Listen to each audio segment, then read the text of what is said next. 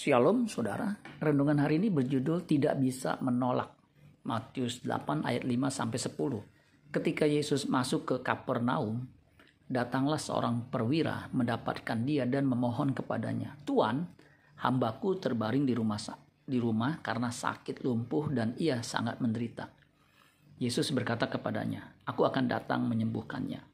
Tetapi jawab perwira itu kepadanya, "Tuan, Aku tidak layak menerima Tuhan di dalam rumahku. Katakan saja sepatah kata, maka hambaku itu akan sembuh.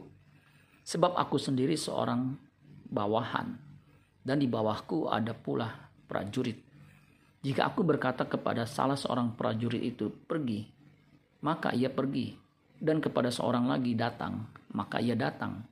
Ataupun kepada hambaku kerjakan ini, maka ia mengerjakannya setelah Yesus mendengar hal itu, heranlah ia dan berkata kepada mereka yang mengikutinya, Aku berkata kepadamu, sesungguhnya iman sebesar ini tidak pernah aku jumpai pada seorang pun di antara orang Israel. Seorang prajurit yang mendapat perintah dari komandannya atau atasannya, ia harus mengeksekusinya. Ia tidak bisa menolak atau menundanya. Kalimat yang disampaikan perwira di Kapernaum yang mengatakan, sebab aku sendiri seorang bawahan, dan di bawahku ada pula prajurit. Jika aku berkata kepada salah seorang prajurit itu pergi, maka ia pergi, dan kepada seorang lagi datang, maka ia datang, ataupun kepada hambaku kerjakanlah ini, maka ia mengerjakannya. Kalimat ini membuat Tuhan Yesus kagum dengan perwira ini. Menurut Kristus, kalimat itu menunjukkan imannya yang luar biasa besar. Paulus menganalogikan pengikut Kristus sebagai seorang prajurit. 2 Timotius 2 ayat 3 dan 4. Ikutlah menderita sebagai seorang prajurit yang baik dari Kristus Yesus. Seorang prajurit yang sedang berjuang tidak memusingkan dirinya dengan soal-soal penghidupannya. Supaya dengan demikian ia berkenan kepada komandannya.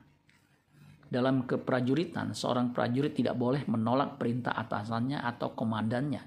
Apalagi perintah itu datang dari komandan yang berpangkat tinggi meskipun perintah itu tidak selaras dengan keinginan si prajurit.